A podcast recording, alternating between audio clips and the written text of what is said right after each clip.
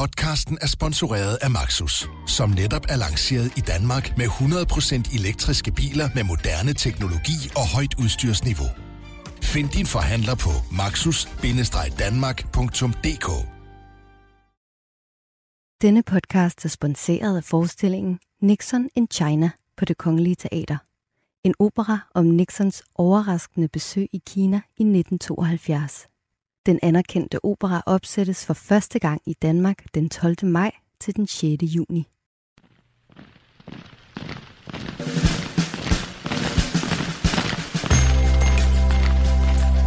(1257) Amalienborg. En podcast fra Berlingske.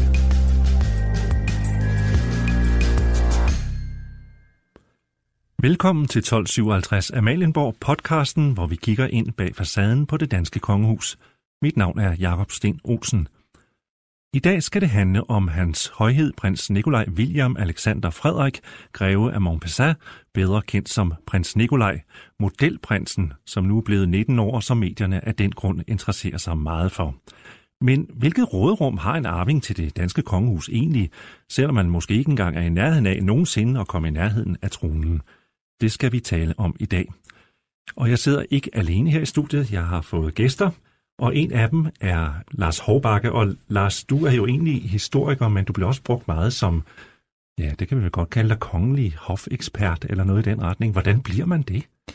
Det gør man, øh, fordi hvis man har skrevet nogle bøger, for eksempel en Danmarks historie, jeg har skrevet en europæisk Danmarks historie, hedder den, som handler specielt om kongernes øh, historie i Danmark og i sammenligning med andre europæiske lande. Øh, og så har jeg undervist i emnet og skrevet andre bøger om, om øh, tilsvarende ting gennem mange år. Så bliver man så spurgt af nogle journalister på et tidspunkt, og så bliver de så samtidig ved med at vende tilbage. Så på den måde har du papirerne i orden, kan man sige. Det kan man sige. Mm. Øh, så har jeg også besøg af journalist Jonas Langvad Nielsen, øh, og du er jo øh, i en ret enestående situation, fordi du er den første journalist, som fik sådan et længere interview med prins Nikolaj, som vi jo skal tale om her i dag. Hele 86 minutter blev det til. Det var vel lidt af et scoop. Det kan man roligt sige. Det var første gang i min karriere som portrætsjournalist på Euroman, at jeg sad over for en vaskeægte prins. En høflig, ung og velopdragen mand, vil jeg så sige, til med. Det vender vi meget mere tilbage til. Men først skal vi lige have ugens royale nøgletal.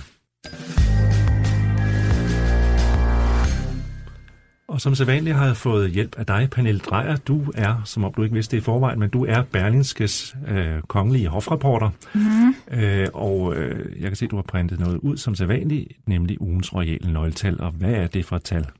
Jamen, øh, det royale nøgletal i dag, det er simpelthen øh, 299.125 kroner. Og det er, hvad øh, den gode prins Joachim får om øh, måneden i år penge. Det er simpelthen, hvad staten giver til prins Joachim i løn for den indsats, han gør. Ja. Øh, nu får øh, prins Joachim penge, kan vi høre. Det gør kronprins Frederik og kronprinsesse Mary også. Det gør dronningen. Det gjorde prins Henrik, da han var i live. Prinsesse Benedikte får vist også noget. Men der, det er da ikke sådan helt almindeligt, at, øh, at, at prins nummer to, hvis vi skal være uartige at kalde øh, Joachim det, øh, også skal have penge. Nej, det er faktisk øh, et, et brud på en, øh, en mangeårig praksis, øh, da, da prins Joachim begyndte at få de her øh, årpenge tilbage i, i 1995. Det, det var politikere på Christiansborg, der blev, der blev enige om det i øh, forbindelse med øh, prinsens ægteskab med øh, daværende prinsesse Alexandra. Lars Hårbakke, det var jo sådan en særlov, øh, som politikere altså besluttede sig for at stemme igennem Folketinget. Øhm, hvorfor skulle prins Joachim lige pludselig have penge, hvis der ikke har været tradition for det i før, eller hvordan har det set ud før, og hvorfor lige det? Jamen, jeg tror, det hænger sammen med, at vi havde en periode øh, op til det her tidspunkt, hvor det danske kongehus var ekstremt lille. Der var ikke ret mange medlemmer i kongehuset. I mange, mange år var der jo kun dronning Margrethe og prins Henrik, og så de to små prinser, det de var små, prins øh, Joachim og kronprins Frederik, og så dronning Ingrid. Og øh, da kronprins Frederik endnu ikke havde stiftet familie der i 1995, men prins Joachim så skulle giftes, så vidste man jo ikke, om prins Joachim fik en meget, meget central placering i kongehuset fremover, om det eventuelt var hans børn, der skulle overtage, eller et af hans børn, der skulle overtage tronen en dag, hvis nu kronprins Frederik aldrig øh, stiftede familie og, og øh, fik børn. Og øh, det tror jeg er en meget, meget væsentlig del af forklaringen på det, at vi havde det der meget, meget lille kongehus. Og det er jo noget, som politikerne beslutter fra sag til sag om man skal give de her årpenge, om man skal give FNAs til de forskellige medlemmer af kongehuset eller ej. Og der vurderede man så i situationen, at det var nok klogt at øh, ligesom signalere, at prins Joachim var en vigtig person i kongehuset på det her tidspunkt. Så det var også simpelthen en reaktion på, at han var den første, der blev gift, og at øh, vi ikke rigtig vidste, om Frederik, øh, øh, om Frederik kunne få børn, havde han sagt, om Frederik øh, øh, gik hen og, og, og fik børn i tide. Så, ja, lige præcis. Og så selvfølgelig ja. kombineret med, at der ikke var ret mange medlemmer i kongehuset i alt, så der skete ikke rigtig noget ved at give lidt ekstra apanage. Øh, fordi øh, det var jo ikke sådan, at der stod 10 eller 20 andre prinser og prinsesser, som så også skulle have. Som også ville have. Lige præcis. Mm. I dag skal det jo så handle om øh, prins Nikolaj, fordi han er jo lige præcis i den situation, øh, at han ikke har udsigt til apanage. Han er øh, nummer syv i øh, affølgende til tronen, og på den baggrund er der ikke rigtig basis for at tænke sig andet, end at han skal ud og forsørge sig selv. Øh, og han er jo allerede godt i gang, fordi øh, nu var jeg så rart at kalde ham modelprinsen, øh, hvis man ellers synes, at det er et skældsord. Det synes jeg ikke, det vil man da gerne være. Øh, og Jonas Langved Nielsen, du øh, er jo rent faktisk den første, som øh, fik sådan et længere varende interview med, øh, med prins Joachim Kongehuset, eller undskyld, med prins Nikolaj Kongehuset skærmer jo øh, sine børn, øh, så godt det nu kan lade sig gøre. Ja. Øh, og så er der tradition for, at når man bliver omkring 18, så får man en stemme. Mm. Øh, hvordan kom det i stand, at du fik det scoop at være den første, der i Euroman lavede et interview med prins Nikolaj? Jeg tror egentlig, det var min gode kollega, moderedaktør Frederik Lenz Andersen, som havde kontakten til, øh, til Nikolaj, og derigennem fik plantet den idé, om man måske kunne lokke Nikolaj med i Euroman på et tidspunkt. Og det lykkedes, og jeg blev spurgt af min redaktør, om jeg ville lave portrættet. Og det sagde jeg pænt ja tak til. Altså normalt er det jo ret svært at interviewe unge mennesker, fordi de ikke har, simpelthen ikke har oplevet så meget, og måske ikke har så meget livserfaring at øse af.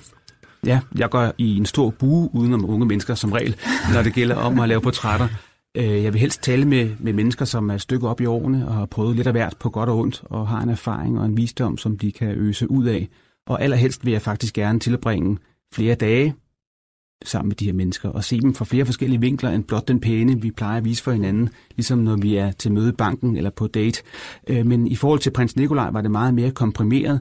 Jeg kunne godt tænke mig at se hans naturlige habitat, altså Herlufsholm Kostskole, se hans hummer, se en del af hans hverdag, se hans liv, men i, i forhold til, til, en, til en kongelig familie er man meget mere påpasselig. Man passer på, hvad man siger og hvad man ved, medvirker til.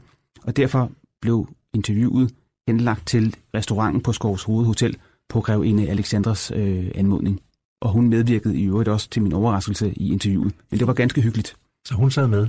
Ja, hun sad med som en slags PR-talsperson øh, for, for Nikolaj, og det gav en meget interessant øh, dynamik og, øh, og drivkraft i interviewet, fordi man fornemmede, at Alexandra er meget stolt af sine børn, ikke kun Nikolaj, men også Felix. Øh, og hun har været med ham hele vejen ind i den her modebranche, som Alexandra også kender selv, kvæg sin interesse for modebranchen. Så hun er en rigtig god støtte i den her proces.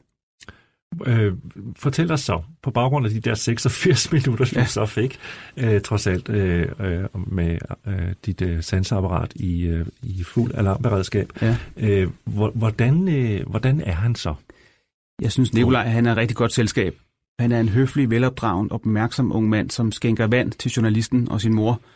Og, øh, og egentlig befinder sig i en lidt speciel tilstand ved det. Han er en ung mand, som lever et almindeligt liv, men også et liv med privilegier og pligter. Så det, der blev interessant for mig, var at undersøge, hvornår er Nikolaj en ung mand, der minder om alle andre unge mænd, og hvornår er han en prins? Og hvad vil det sige at være en prins? Kan man overhovedet sætte ord på det? Og min fornemmelse er egentlig, at han befinder sig rigtig fint i den rolle. Det er noget, han har vendet sig til gennem mange år. Han er blevet dannet til den rolle. Og øh, på samme måde som når man stikker fødderne i et par tøfler. Det er velbehageligt og forudsigeligt og rart. Mm. Så han, øh, på den måde kan man sige, at han tager sin skæbne på sig. Det synes jeg. Og man fornemmer også, at han nogle gange, måske til sin egen overraskelse, bliver mindet om, hvad det vil sige at være prins, når han står med sin mor i køen i supermarkedet og får øje på ugebladernes forside. Eller når han fylder 18 og bliver inviteret til fest af sin farmor på kongeskibet Dannebro, hvor bådsmandsfløjten piper ham velkommen ombord. Det er ikke sådan, jeg fejrede min 18-års fødselsdag. Ikke at jeg ønskede det, men det er i hvert fald en anden verden, han nogle gange træder ind i. Og det, blev for, og det var interessant for mig at, at, at skildre den, de to verdener. Mm, så han svinger mellem på den ene side og skulle være en helt almindelig ung mand, øh, og på den anden side så stadigvæk, til trods for at han nu, kan man sige, øh, via Frederik hans ægteskab og øh, efterhånden mange børn, er skubbet længere ud i periferien af, af, af tronen, så er han stadigvæk en del af det system. Ja, fordi nu er han jo også blevet en del af det system, hvor man deltager i ceremonielle øh, højtidligheder, Og kvæg sit, sit gode udseende og sit mystiske, spændende udseende, er han jo også kommet ind i hele den her modelverden, hvor der unægteligt er meget opmærksomhed. Så han fornår, formår at, at manu, manøvrere rimelig sikkert rundt i de her mange verdener.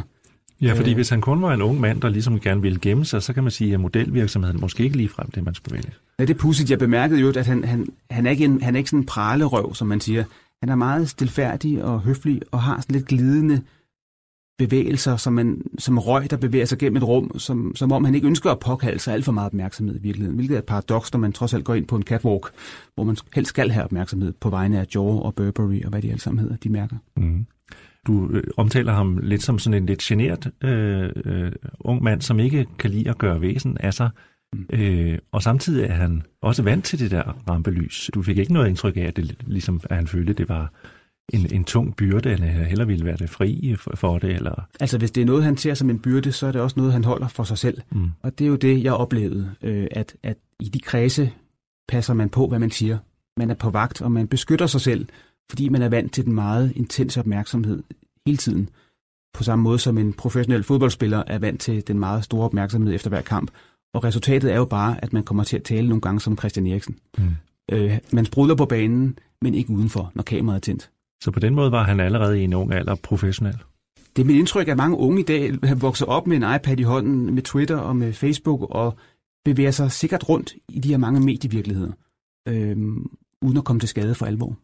Skulle dit, øh, når nu var det første interview, der blev lavet med ham på den måde, skulle det så også bagefter, det går jeg ud fra, øh, nærlæses af hoffen, eller hvad? Ja, altså aftalen er, og det er det faktisk ofte, når vi på Euroman laver portrætter, at kilden får lov at læse det, vi skriver.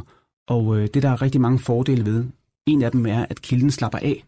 Alternativet er, at man vægter og vejer sine ord på en guldvægt, hvis, øh, hvis, øh, hvis, hvis udsigten er, at man slet ikke har nogen kontrol med det, man siger. Så vi har gode erfaringer med det, og det, er også, det var et godt samarbejde, vi havde om det her portræt. Nu fik du også lov til at opleve øh, øh, prins Nikolaj i, i øh, fuld vigør som model. Øh, du var med ved den fotoshoot, der blev lavet samtidig. Hvordan oplevede du ham i den situation?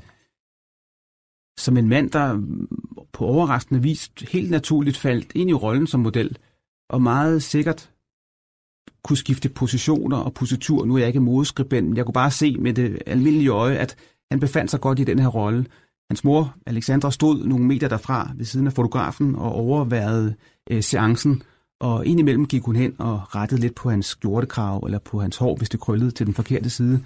I andre pauser kom hun hen med en energibar for at holde hans øh, ja, energiniveau oppe. Så hun var med, og hun er meget stolt af sine sønner. Begge sønner, skal jeg sige. Mm.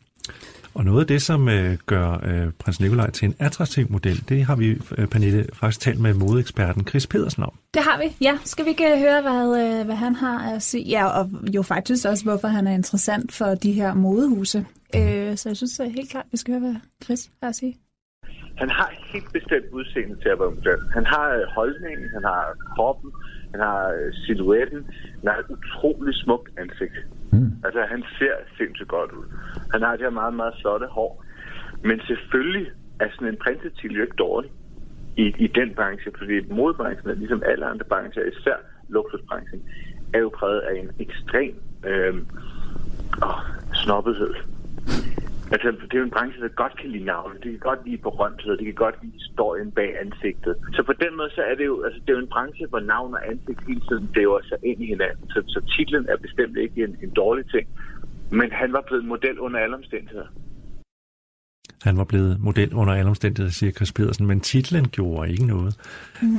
Jeg har faktisk hørt, øh, eller jeg læste en artikel, jeg har ikke kunne få det bekræftet, at øh, Bente Lundqvist, som har det her Scoop Models, der har øh, prins Nikolaj i hus, øh, allerede da prinsen var 8 år, skulle have henvendt sig til ham øh, og sagt, at, at når han en dag blev, blev 18, så, så kig lige ind. Det er det rene barnerov. Det er det rene barnerov, ja. Æ, men det var jo faktisk sådan, da han øh, første gang tonede frem øh, mm. til alles overraskelse som model, nemlig ved øh, modehuset Burberrys opvisning i, i øh, modeugen i London for cirka et år siden.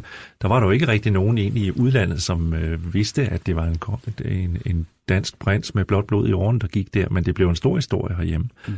Øh, men i forbindelse med, at prinsen så øh, jo er blevet model, så har han jo allerede øh, på den baggrund, og det er jo det, vi også skal tale her om i dag, altså om det der med på den ene side at være borgerlig, og så på den anden side sidde lidt fast i hængedønnet, hvis man skal kalde det i forhold til at være kongelig, allerede i forbindelse med øh, hans øh, modelkarriere gav det jo sådan lidt krusninger på overfladen, kan man måske godt sige, som det første eksempel på øh, øh vanskeligheden i at gebære sig i det farvand, at han havde nogle engagementer i forbindelse med, altså på det tidspunkt, at der egentlig var erklæret hofsorg i forbindelse med prins øh, Henriks øh, død, hvor det jo egentlig er meningen, at kongehuset ikke rigtig skal lave noget og holde sig for sig selv og, og udvise den respekt over for den afdøde, at man afholder sig for officielle pligter.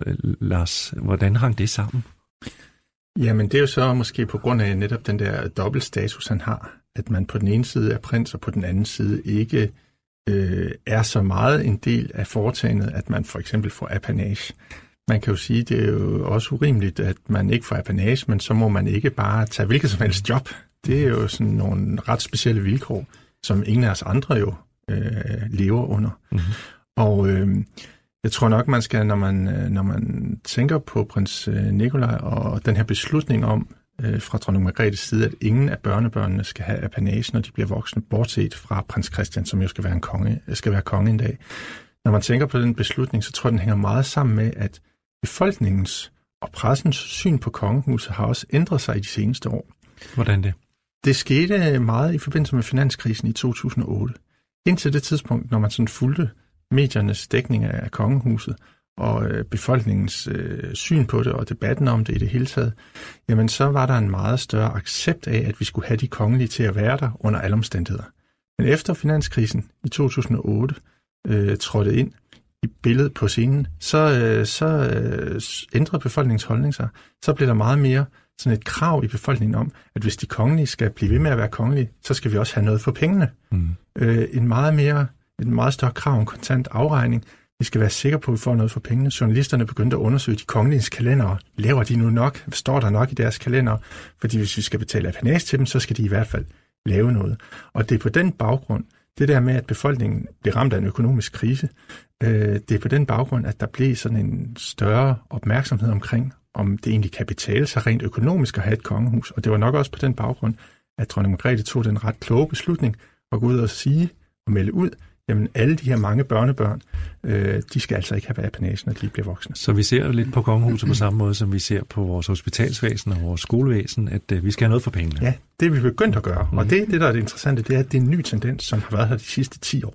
Øh, Pernille, du havde jo rent faktisk en statistik på det der, fordi man gik jo faktisk ud og spurgte danskerne på et tidspunkt, om, øh, om danskerne synes, og det var så i forbindelse med Nikolajs 18-års fødselsdag, om danskerne så synes, at det var en god idé, at øh, de efterhånden, lad os bare sige det på den måde, Øh, mange kongelige børn skulle opbære apanage. Og hvad ja. sagde danskerne til det? Jamen, øh, altså, Lars har, har helt ret, øh, fordi øh, Megafon var ude at lave en, en spørgeundersøgelse tilbage i 2016, som var samme år, øh, hvor, hvor kongehuset meddelte, at, øh, at det kun var planen, at det var øh, prins Christian, der fremover skulle modtage årpenge. Øh, og, og her havde man spurgt, øh, om øh, prins Joachims børn også skulle modtage de her penge, og, og det mente 70 procent af danskerne altså ikke, at, øh, at de skulle. Men øh, Lars, hvorfor øh, kom hoffet ud med den der meddelelse om, at øh, det altså kun var øh, prins Christian, den kommende konge, som kunne regne med at få penge af staten? Hvorfor ikke bare holde sin mund? Det var fordi, der var ved at komme en, en, en debat om kongehuset på det her tidspunkt, som, øh, som var mere og mere præget af netop de her nye holdninger i befolkningen og i pressen til kongehuset. De her nye, mere kritiske holdninger med, at man skal have noget for pengene, hvis man skal betale til et kongehus. Og så var det jo selvfølgelig også en ny situation, som den anden ting, at man havde et meget stort kongehus, i modsætning til, øh, som vi talte om øh, før, øh, den periode der i 70'erne og 80'erne og begyndelsen af 90'erne, hvor det var en, en meget, meget lille personkreds, der var en del af kongehuset. Nu var der pludselig udsigt til, at rigtig, rigtig mange mennesker skulle have penge fra statskassen, øh, og så ville befolkningen også sikre sig, også på baggrund af finanskrisen, at de fik noget for de her penge. Ja, mm. fordi og, øh, prins altså, Joachim har jo fire børn, og øh, kronprins Frederik og øh, kronprinsesse Mary har også fire, ikke? Ja, og, og hvis jeg bare lige må supplere, øh, altså diskussionen opstod jo også igen, fordi vi rent faktisk havde, pludselig stod en prins, der fyldte 18, altså blev myndig, og hvor man, hvor man skulle til at tage, tage stilling til, hvad han skulle lave. Hvad skal han have sig øh, ved? Øh, i forbindelse med øh, den, øh, de røster, som var måske en lille smule kritiske eller uforstående over for, at øh, prins Nikolaj skulle gå på catwalken, mens øh, øh, prins Henrik lå på øh, Castrum Dolores, som det hedder, øh, blev imødegået af, af prinsesse Alexandra, som, som blandt andet sagde, at Nikolaj gjorde det med den yderste respekt, Selvfølgelig er savnet hans grandpapa enormt, men vi er ikke i tvivl om, at grandpapa ville have ønsket, at Nikolaj gjorde det, altså medvirkede i modeshowet. Det skal vi ikke glemme, og jeg kan sige, at alt er gjort med prins Joachims samtykke, velvilje og opbakning og største støtte. Øh, men øh, øh Stakkels Nikolaj kom jo også ud i, sådan, øh, eller i hvert fald en diskussion igen, af, i forhold til at være borgerlig på den ene side og være kongelig på den anden side, i forbindelse med, at han øh, forlod øh, her en sergeantskole i Varde før tid. Det gjorde han den 10. oktober 2018, så var det slut efter kun to måneder i trøjen. Vi kan jo ellers forstå på dit interview, øh, Jonas, som du lavede øh, til Euroman, at øh, det var lidt af et familieønske, at han skulle indrulleres. Ja, altså jeg tror, jeg tror prins Joachim så det som en rigtig god måde og en god oplevelse og en udfordring for Nikolaj at gå herrens vej og få den dannelse, den gode gammeldags dannelse. Så jeg gætter på, at det, det, det er forholdsvis smertefuldt kapitel for, for prins Joachim, at, at, at Nikolaj ikke er gået den vej, at han har valgt modelvejen. Det kan jeg jo ikke vide andet.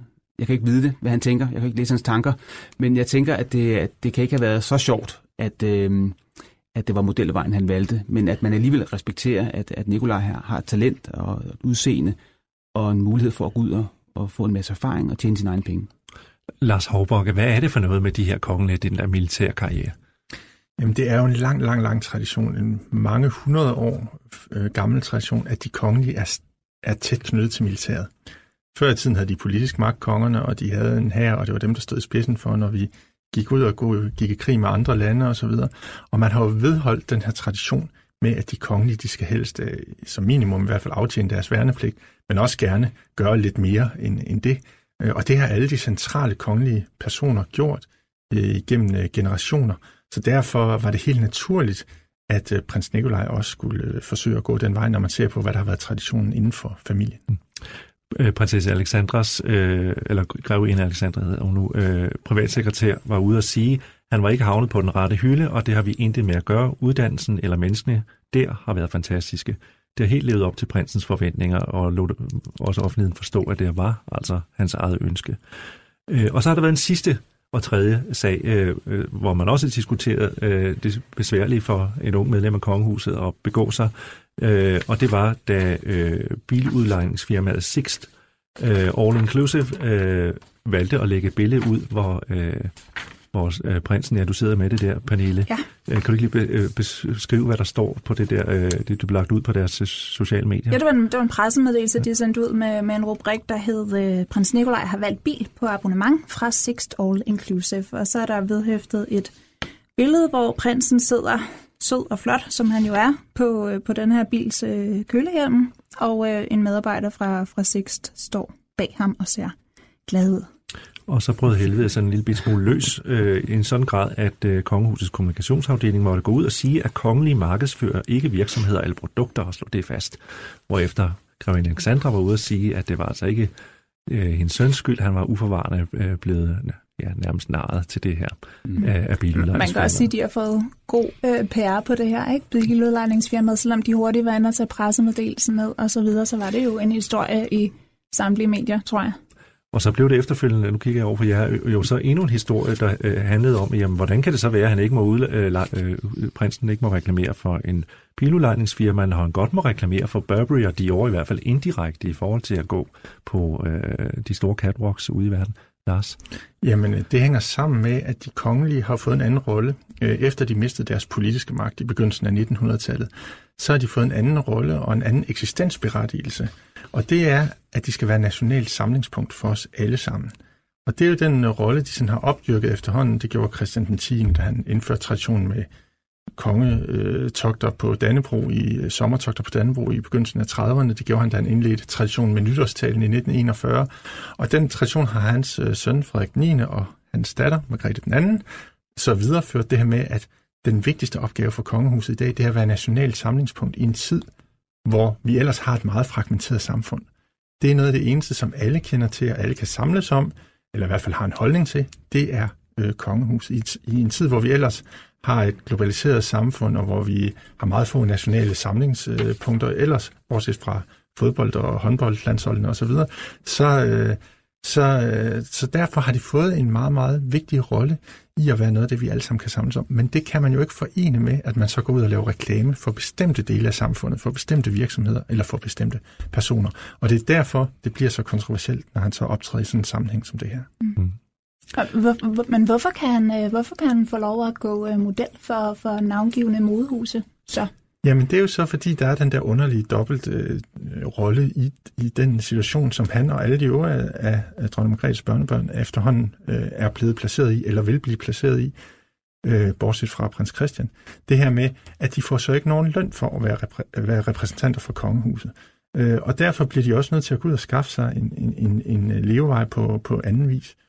Men der er, en, øh, der er en forskel selvfølgelig på decideret at indgå i en reklame, mm-hmm. øh, og så øh, have et job som model. Og det er nok den skældning, man øh, forsøger at foretage i kongehuset. Med et modelbyrå som en eller anden form for filter. Ja, lige præcis. Ja.